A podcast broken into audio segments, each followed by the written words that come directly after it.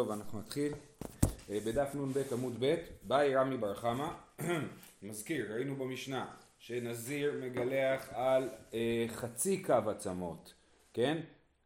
אם נזיר נטמע מחצי קו עצמות או באוהל או במגע או במסע, אז הוא אה, נטמע ומגלח. אבל אם יש פחות מחצי קו, אלא רובע הקו, זאת אומרת רובע, כן, רובע ו... אה, רובע אה, רביעית הלוג, לא, סליחה, רובע הקו או חצי קו. כן?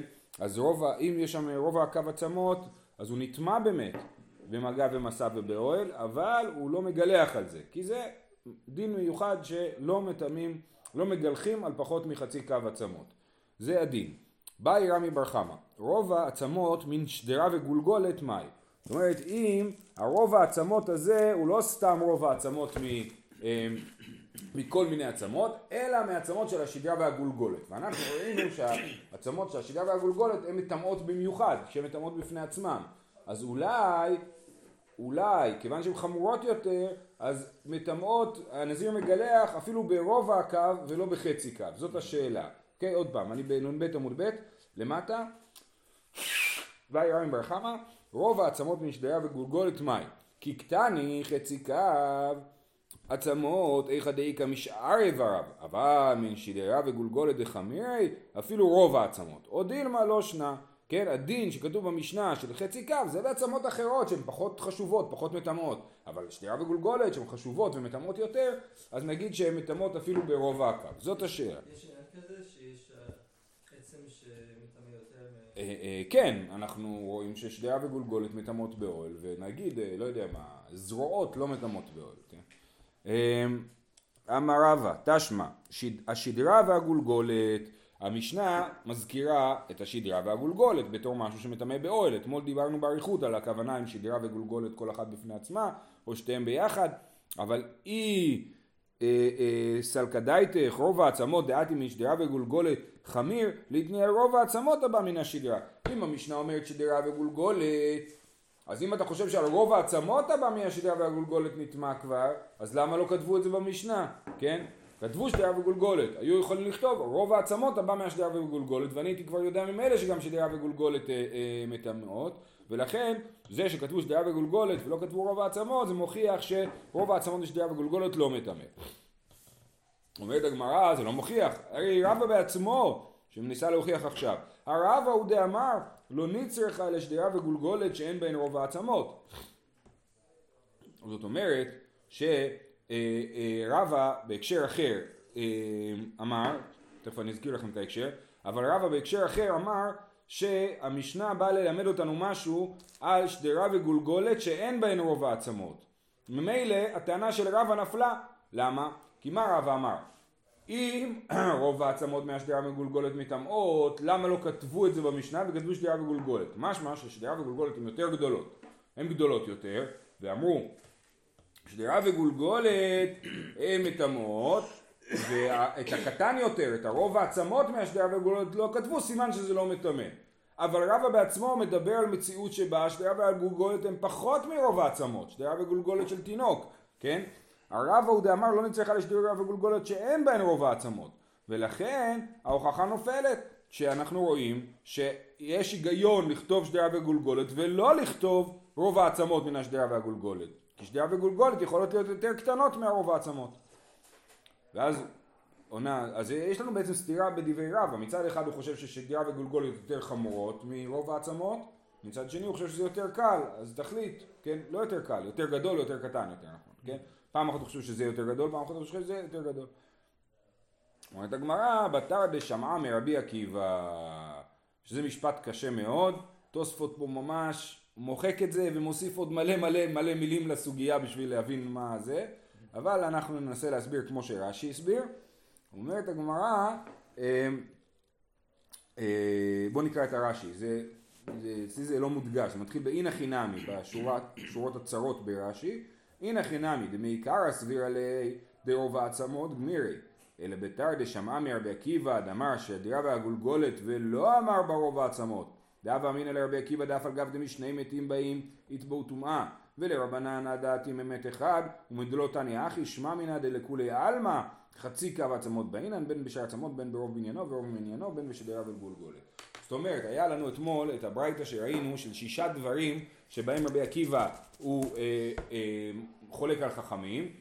שישה דברים האלה היו דברים, כמעט כולם היו, שדברים שרבי עקיבא אומר שאפילו משני מתים זה מטמא, ו- וחכמים אמרו רק ממת אחד. רוב העצמות משני מתים או ממת אחד. שדרה וגולגולת משני מתים או ממת אחד. אז זה זה עצמות, זה זה עצמות. מה זה? אני אומר, זה וזה. כן, נכון, אבל באמת אנחנו רואים שהדין של רוב העצמות הוא דווקא ממת אחד, ואפילו רבי עקיבא בסופו של דבר הודה לחכמים, כן. כן? אמ, אז, אה, אמ, אז אומר רבא, מזה בברייתא, לברייתא אני מדבר, בברייתא ראיתי שרבי עקיבא חולק על חכמים בשדרה וגולגולת ולא חולק עליהם ברוב העצמות הבא מן השדרה והגולגולת, סימן באמת שרוב העצמות הבא מן השדרה והגולגולת לא מטמא אה, כמו השדרה והגולגולת בעצמם. אה, אה, זה, זה, זהו. אה, אז אה, ההוכחה של רבא לא בדיוק התקבלה, כי זה נראה שהוא אומר כל מיני דברים. זאת אומרת, הוא אומר צד אחד ואחרי זה אומר להפך, אז הגמרא מתייחסת לזה כאילו אין פה הוכחה וממשיכה לנסות להוכיח מה הדין. שוב, השאלה היא ברוב העצמות הבא מן השדרה והגולגולת. אה, רק, אה, אוקיי. תשמע, שמאי אומר עצם אחד מן שדרה או מן גולגולת.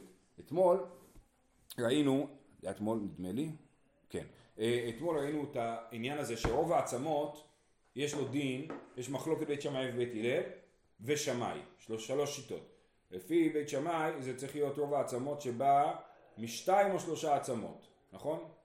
לפי בית הלל לא סתם שתיים ושלושה מעצמות אלא שתיים או שלושה עצמות או רוב בניינו רוב מניינו של המת, נכון? ושמאי אומר אפילו מעצם אחד, כן? אז זה היה אה, מה שראינו. אז אומרים פה, רוצים ללמוד מזה. תשמע, שמאי אומר עצם אחד מן שדרה או מן גולגולת. רוב הקו מעצם אחד משדרה וגולגולת מטמא.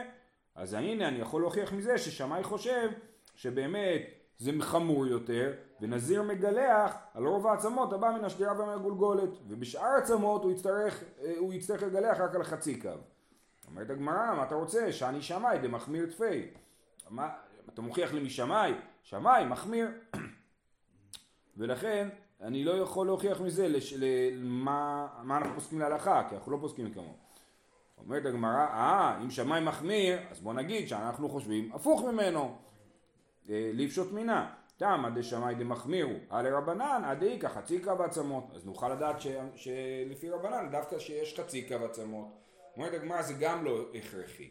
כי אפשר להגיד, וזה מאוד יפה, איך הגמרא תמיד עושה את הדבר הזה של כאילו, אה, אני- זה לא הוכחה. אה, אני אומר, אם זה לא הוכחה, אז אולי הוכחה לצד השני? לא, גם זה לא הוכחה, כי אני יכול להגיד לצד הראשון. כאילו, איפה שאתה לא תלך, אני אגיד לך, אה, כי, ההוכח, כי, כי זה, זה, הדרך להוכחות עובדות בגמרא, הוכחות צריכות להיות טובות, כאילו, כן? אז אם היא לא טובה, זה לא הוכחה, אני לא יכול לדעת, כאילו, זה נשאר פתוח, כאילו. זה קצת, קצת דומה למתמטיקה. אה, אומרת הגמרא, אז אה, אה, תמא דשמאי דמחמיר, הלא רבנן דאיתי כחצי קו עצמות, שהרי שמאי אומר רוב הקו הבא מן השדרה ומן הגולגולת, סימן שחכמים אומרים, לא, סימן שהם חושבים שאפילו מבא שבא מן השדרה ומן הגולגולת, יש לו דין שמטמא רק בחצי קו. אומרת הגמרא, עד כאן לא פליג, דין מעד כאן לא פליגי רבנן על ידי שמאי, אלא בעצם אחד, אבל ברוב העצמות אפילו רבנן מודו. זאת אומרת, זה לא אומר, כי מה הקטע ששמאי אומר שרוב העצמות מעצם אחד מהשדרה מהגולגולת מטמא. זאת אומרת, תיקח חוליה אחת, אם היא בגודל של רוב הקו, אז היא מטמאת. אז על זה נחלקו עליו חכמים ואמרו לו, לא, לא, מעצם אחד זה לא מטמא. אבל יכול להיות שאם זה רוב הקו מהרבה עצמות של השדרה, או מכל העצמות של השדרה, אז זה כן מטמא. אבל זה, יכול להיות שעל זה הם לא נחלקו עליו, ולכן גם בזה אין הוכחה. אבל ברוב העצמות לפי רבנן מודו. טוב, יש לנו ברייתא לסיום העניין. אמר רבי אליעזר, זקנים הראשונים, מקצתן היו אומרים חצי קו עצמות וחצי לוג דם לכל, לכל, סליחה, רוב העצמות ורביעי דם, לא לכל. זאת אומרת, הזקנים הראשונים, ואנחנו כל הזמן רואים שיש פה את הבעיה בין רוב העצמות לחצי קו עצמות, מה היחס ביניהם, כן? אז הנה עכשיו הוא מספר לנו בעצם את ההיסטוריה של הסיפור. הזקנים הראשונים, חלק היו אומרים שרק חצי דם, ח, חצי רובע עצמות וחצי אה, לוג, אה, חצי לוג דם, זה מה שמטמא. פחות מזה לא מטמא לכל, לכל, זאת אומרת לכל עניין. לא משנה למה אתה צריך להיות טהור. אתה צריך טהור כי אתה רוצה לאכול קורבן, כי אתה רוצה לאכול תרומה, כי אתה רוצה לא יודע מה, כן? אה. אתה נזיר, כן? כל הדברים האלה, לעבוד במקדש. לא משנה מאיזה סיבה, אתה נטמע באוהל רק מחצי דם, חצי לוג דם וחצי רוב העצמות. לא פחות מזה. מקצתן היו אומרים, כן? ורביעי דם ורוב העצמות ורביעי דם לא לכל. זאת אומרת לא לכל זה בעצם התכוונה להגיד לכל לא, כן? לשום דבר אתה לא... זה. ומקצתן היו אומרים אף רוב העצמות ורביעי דם לכל.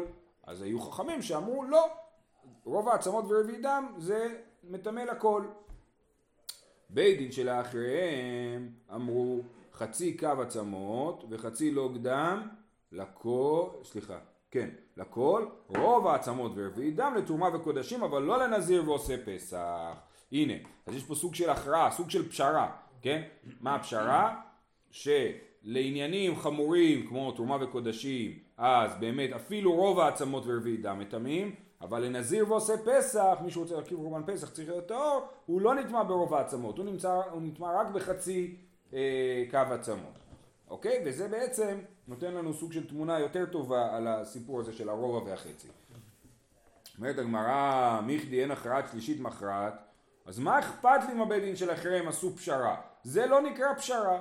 הכרעת, יש לנו בעיקרון רעיון שהלכה כדברי המכריע. אחד אומר ככה, אחד אומר ככה, אחד אומר באמצע, כי אנחנו אוהבים את הפשרה, כן? אז, אז, אז, אז הלכה כדברי המכריע. אבל ההלכה כדברי המכריע דווקא כשהוא רלוונטי ל, ל, לסוגיה. זאת אומרת, כאשר המכריע הוא, הוא באמת מהווה דעה ממוצעת. אבל כאשר הוא מהווה דעה שלישית, אמנם היא עומדת באמצע. בעצם הוא לוקח מזה, לוקח מזה, בלי שום הבנה, פשוט... לא, אם הוא לא, לא, לא בדיוק.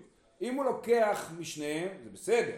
אבל אם אני רואה שהדעה שלו היא אמנם באמצע, אבל היא לא קשורה בכלל לשני הצדדים, היא לא נובעת מרצון לעשות פשרה, בוא נגיד ככה, אז זה לא נקרא הכרעה, ואני לא פוסק כמוהו. מה, הדוגמה פה? הדוגמה פה. יש כאלה שאומרים שבכל עניינים חצי דם, חצי רובע, נכון? ויש כאלה שאומרים לכל עניינים רובע, אה, אה, רב, רבע הקו, נכון? אה, רובע הקו. ובאה השיטה השלישית ואומרת, לתרומה וקודשים ככה, לנזיר ועושה פסח ככה. אבל מי דיבר על תרומה וקודשים ונזיר ועושה פסח? זה לא האישו. השאלה אם הדבר הזה, הגוש של העצמות הזה, מטמא או לא מטמא, כן? בלי לחלק לאיזה ייעוד, כן? זה, זה משנה. אז ברגע שהוא אומר, אני מדבר על נושא הייעוד, טמא לככה, לא טמא לככה, אנחנו אומרים לו, לא, אנחנו לא נמצאים במקום שלך. זה לא הכרעה. אם הוא היה מכריע שבין רובע לבין אה, חצי, זאת אומרת, אה, מה, מה יש שם? אה, שש מיניות, לא יודע, כן? אז היינו אומרים, טוב, זאת הכרעה באמת. בין רובע לחצי.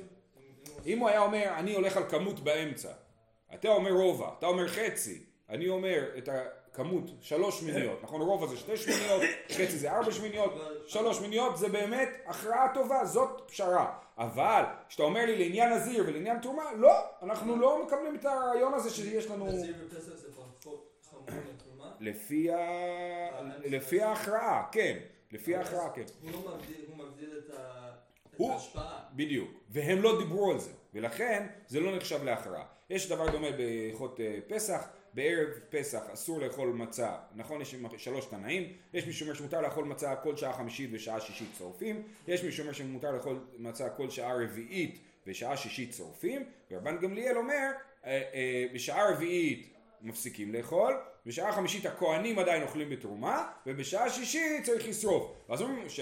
ואז מתווכחים הוא מכריע או לא מכריע, כי הם לא דיברו על כהנים או לא כהנים. אז זה שאתה מכניס כהנים לסיפור, זה לא נחשב להכרעה. אבל אנחנו? עושים את זה כל הזמן, יש קריאה מחמירה. נכון. יותר ומקלה יותר, אנחנו מבדילים. ל- לסיטואציה הזאת, יש את זה. אה, לעשות את זה. לא בהכרח, לא יודע, לא. תכשיטי- נשים בואו לא. נתחיל לפתוח פה את כל אוקיי, אומר, כאילו, לא. אז אנחנו צריכים שהמכריע יהיה מכריע. זאת אומרת שהוא באמת יהיה באמצע בין שתי השיטות, ולא שיוסיף מימד משל עצמו. זה הנקודה. אז אומרת הגמרא, אנחנו לא פוסקים ככה כמו הבית דין של האחרים בגלל שהם אחרים, אלא אמר ביעקב ברידי, מפי שמועה אמרו, מפי חגי זכריה ומלאכי. אז הבית דין של האחרים לא סתם, הם אמרו מפי חגי זכריה ומלאכי. יכול להיות שהכוונה שהם בעצמם, זאת אומרת הבית דין הזה היה בית דין כל כך עתיק, שהוא היה בזמן חגי זכריה ומלאכי, נביאי הבית השני. אה, אה, אה, אבל בכל אופן הזה היה שמועה רצינית וזה לא סתם הכרעה, זה דעה שבאמת עומדת בפני עצמה, אבל אנחנו פוסקים כמותה. הלאה. על אלו הנזיר מגלח. המשנה אמרה, נכון? על אלו הנזיר מגלח. מה זה על אלו? על אלו זה בא להגיד על אלו ולא על משהו אחר, נכון? אבל המשנה בדף הבא, בנ"ד עמוד א', אומר על אלו אין הנזיר מגלח, כן? אז, אז, אז זה לא בא למעט את מה שבמשנה הבאה, כי כבר המשנה הבאה מספרת לי את זה. אז מה בא להוסיף הרעיון של על אלו הנזיר מגלח, מה הוא בא להוציא? שעל מה, משהו שהוא לא מגלח עליו שלא כתוב במשנה הבאה. על אלו דרישא למיעוטי עצם כשעורה. דעל מגעו ועל מסעו אין ועל אהילו לא. ועל אלו דסיפא למעוטי אבן הזכוכית. אז על אלו של המשנה הראשונה שבא להגיד על אלו הנזיר מגלח על אלו הנזיר מגלח על מה הוא לא מגלח על עצם כשעורה הוא לא מגלח על האוהל שלו אלא רק על המגע והמסע שלו זאת אומרת אם יש עצם כשעורה בתוך האוהל זה האוהל לא טמא בטומאת מת כן? ועל אלו דסייפא למיעוטי אבן הזכוכית יש פה כמה פירושים. אה, בואו נסביר את הפירוש הפשוט יותר כמו דברי התוספות. אם יש בן אדם ש אה, אבן המסך על הארץ, יש, יש כמה אבנים שבולטות מהגדר ועושות כאילו צל, סככה, זכוכית מלשון סככה, על הארץ. ואני יודע שתחת אחד מהם יש מת, איזשהו משהו שמטמא באוהל, ואז אם אני אעבור מתחת לאבן הזאת, אני אטמא באוהל. אבל אני לא יודע אם עברתי תחת האבן שתחתיה יש אוהל. ולכן, אה, אה, אז זה ספק טומאת מת, ולכן על אלו הנזיר, אה, אה, אה, על אלו של הסיפא בא למעט את אבן הזכוכית שהנזיר לא מגלח על זה כי זה ספק. טוב, הלאה. יש לזה עוד הסברים כמובן ואנחנו ממשיכים. חצי קו עצמות. חצי קו עצמות אין, רוב העצמות לא. נכון, אמרנו במשנה שהנזיר מגלח על חצי קו עצמות, על חצי קו ולא על רוב הקו. היכי דמי הרי אילימה דאית בהן עץ אמות כשעורה תיפוק לה משום עצם כשעורה. אם אדם נוגע בעצם כשעורה אז הוא אה, נטמע, נכון? אז הרוב העצמות הזה אולי הוא לא מטמא באוהל אבל הוא כן מטמא במגע אם אדם נוגע בעצמות ולכן אה, אה, אז זה לא נכון להגיד שרוב הקו לא, הנזיר לא מגלח על רוב הקו הוא מגלח על רוב הקו אם הוא נגע בו, נכון? היכי דמי, אילמה דאית בהן עצמות כשעורה, תיפוק להם משום עצם כשעורה. אלא דאקמח אקמוכי, הוא לקח והעצמות כבר הוא, אה, או שהוא שייף אותם, טחן אותם, הפך אותם לקמח, כן? ואז אין שום חתיכה שהיא עצם כשעורה, כל קטן יותר משעורה, ולכן זה לא, הרוב העצמות הזה לא יטמא במגע, ולא, ו, ולא יטמא את הנזיר שהנזיר יגלח עליו. אז בסדר? שוב פעם. המשנה אמרה שהנזיר אה, אה, נטמע מחצי קו על אוהלו ועל מגעו ועל מסעו, נכון? ואז יוצא שהרוב הקו הוא לא נטמע בכלל, לא על אוהלו, לא על מגעו ולא על מסעו. איך זה יכול להיות שהוא לא נטמע ממגע של רוב העצמות? תשובה שטחנתי את העצמות לקמח. אה, אוקיי, אומרת המשנה על עבר מן המת ועל עבר מן החי שיש עליהן בשר כראוי. כן, עבר מן המת ועבר מן החי גם כן מטמאים. שנייה, נדמה לי שמטמאים באוהל, אבל אני לא בטוח. בואו נראה מה היה כתוב. אה, כן, גם באוהל. על עבר מן החי ועבר מן המת שיש עליהם בשר כראוי. אה, הסברנו מה זה בשר כראוי, הסברנו שזה מספיק בשר שאם האיבר הזה היה מחובר לבן אדם, האיבר היה יכול להתרפא, כן? ועכשיו, איברים תמיד יש בהם עצמות, אוקיי? אומרת הגמרא, אין עליהן בשר כראוי מאי. מה קורה אם אין עליהן בשר קרוי? מה הדין? אומרת הגמרא, מחלוקת. רבי יוחנן אמר אין הנזיר מגלח עליהן, יש לקיש אמר הנזיר מגלח עליהן, כן? אה, אם הוא נוגע, נכון? אה, אם הוא נוגע איבר שאין עליו בשר כראוי, איבר מן המת או איבר מן החי שאין עליו בשר כראוי, האם הוא מגלח על זה או לא. רבי יוחנן אמר אין הנזיר מגלח עליהן, ריש לקיש אמר הנזיר מגלח עליהן. רבי יוחנן אמר אין הנזיר מגלח עליהם דאקתני ברישא. על איבר מן המת ועל איבר מן החי שיש עליהם בשר כראוי יש עליהם בשר כראויים אבל אין עליהם לא. נכון במפורש כתוב על אלו דברים אין הנזיר מגלח על איבר מן המת ומן החי שיש עליהם בשר כראוי אז אם אין לא מגלח. מצוין זה בדיוק מה שרבי יוחנן אומר. אומרת הגמרא ורבי שלקיש אומר מגלח מדלוקטני בסיפא כי המשנה הבאה שאתם יכולים כבר לראות אותה מי שלא לומד עם שטיינזלץ כן בעמוד הבא אומרת על אילו דברים. הנזיר אינו מגלח והיא לא מזכירה בשר שאין עליו אה, אה, אה, איבר שאין עליו בשר כראוי. אז אם היא לא מזכירה את זה בתור דבר שלא מגלחים עליו סימן שכן מגלחים עליו. אז זה פשוט יש סתירה בין שתי הרשימות. ברשימת הדברים שהנזיר לא מגלח עליהם כתוב בשר שיש עליו איבר שיש עליו בשר כראוי אז אני מניח שאיבר שאין עליו בשר כראוי לא מגלח. מצד שני ברשימת הדברים שהנזיר לא מגלח עליהם לא מופיע מה שצריך להופיע שאיבר שאין עליו בשר כראוי אז לכן רבי יוחנן אומר אני הולך לפי הרשימה הראשונה ריש לקיש אומר אני הולך לפי הרשימה השנייה רבי יוחנן אמר לך כל, איך הוא יסביר את הדבר הזה? כל היכא דמשמע מכללה לא קטני בסיפא אומר רבי יוחנן כל דבר שאני יכול להבין אותו מכללה, זאת אומרת מתוך דיוק של הדבר, אז הוא לא צריך לכתוב אותו. בשר שיש, איבר שיש עליו בשר קרוי מטמא, סימן שאם אין עליו בשר קרוי לא מטמא, לא צריך לחזור ולכתוב את זה סתם, נכון? אומרת הגמרא, אה, לא צריך לחזור ולכתוב את מה שאני מבין בעצמי, אבל המשנה בדיוק זה מה שהיא עושה, כן? והיה חצי קו עצמות, דמשמע חצי קו עצמות אין, רוב העצמות לא, וקטני בסיפא, רוב העצמות, תסתכלו במשנה, רוב העצמות כתוב פה. אז למה, הרי אני יכול להבין את זה לבד, נכון? אתה אומר לי שכל מה שאני יכול להבין לבד לא כותבים. תשובה, הטה מילה ורוב העצמות, אבא אמינא אפילו על מגעו ועל מסעו לא. לאחי הצליח למיתני רוב העצמות, על האילנו דאין הנזיר מגלח, על האילנו נזיר מגלח, כן? אה, אה, אם לא היה כתוב רוב העצמות במשנה של דברים שאין הנזיר מגלח עליהם, אז הייתי חושב שאפילו במגע זה לא מטמא. ואנחנו הסברנו שזה לא מטמא במגע דווקא אם אין שם עצם כשעורה אבל אם יש שם עצם כשעורה זה כן מטמא במגע ולכן היה צריך לחזור ולכתוב את זה בשביל שלא תסיק לי מסקנות לא נכונות שאני נוגע ברוב העצמות שיש להם עצם אה, כשעורה לא צריך לגלח ולכן חזרו וכתבו את זה. אתה יכול לחזור המשנה הראשונה כתבה חצי עצמות חצי קו עצמות המשנה השנייה כתבה רוב, רוב הקו עצמות בתור דבר שאין מגלח עליו כן? למה הם חזרו וכתבו את זה? הרי לכאורה אני מבין, מבין את זה מהרשימה הראשונה, בשביל להגיד לי שאם אני נוגע ברוב הקו עצמות ויש שם עצמות בגודל של שעורה, אני כן מגלח על זה. אה, הלאה, אומרת הגמרא עוד דוגמה, והחצי לוג דם דשמת מינה, חצי לוג דם אין רביעי דם לא, וקטני בספר רביעי דם, עוד פעם, ברישא כתוב שעל חצי לא קדם הנזיר מגלח, סימן שעל פחות מזה הוא לא מגלח, אבל במשנה השנייה טורחים וכותבים לי שוב פעם שעל רוב האדם לא מגלח. אז למה? למה צריך לחזור ולכתוב? אתה אומר לי שכל דבר שאני מבין מלבד אני לא צריך לחזור ולכתוב. תשובה, אטם לאפוק מדבר עקיבא, דם רבי עקיבא, וכבר ראינו את זה, רביעי דם הבא משני מתים, מטמא באוהל.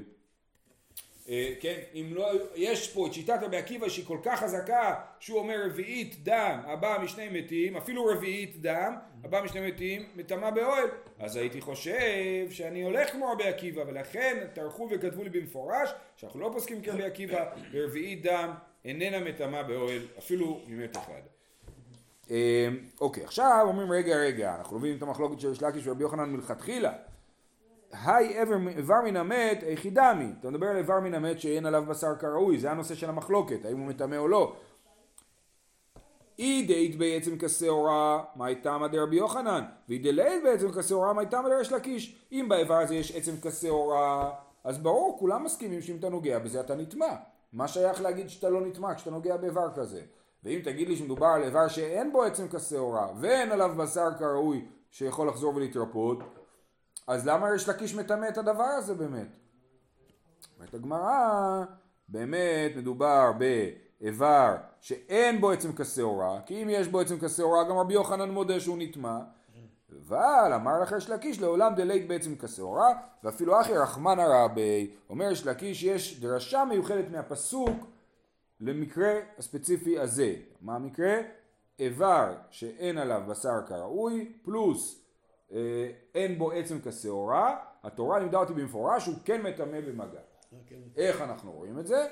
זאת הדרשה שכתובה פה, איך נראה דבר כזה?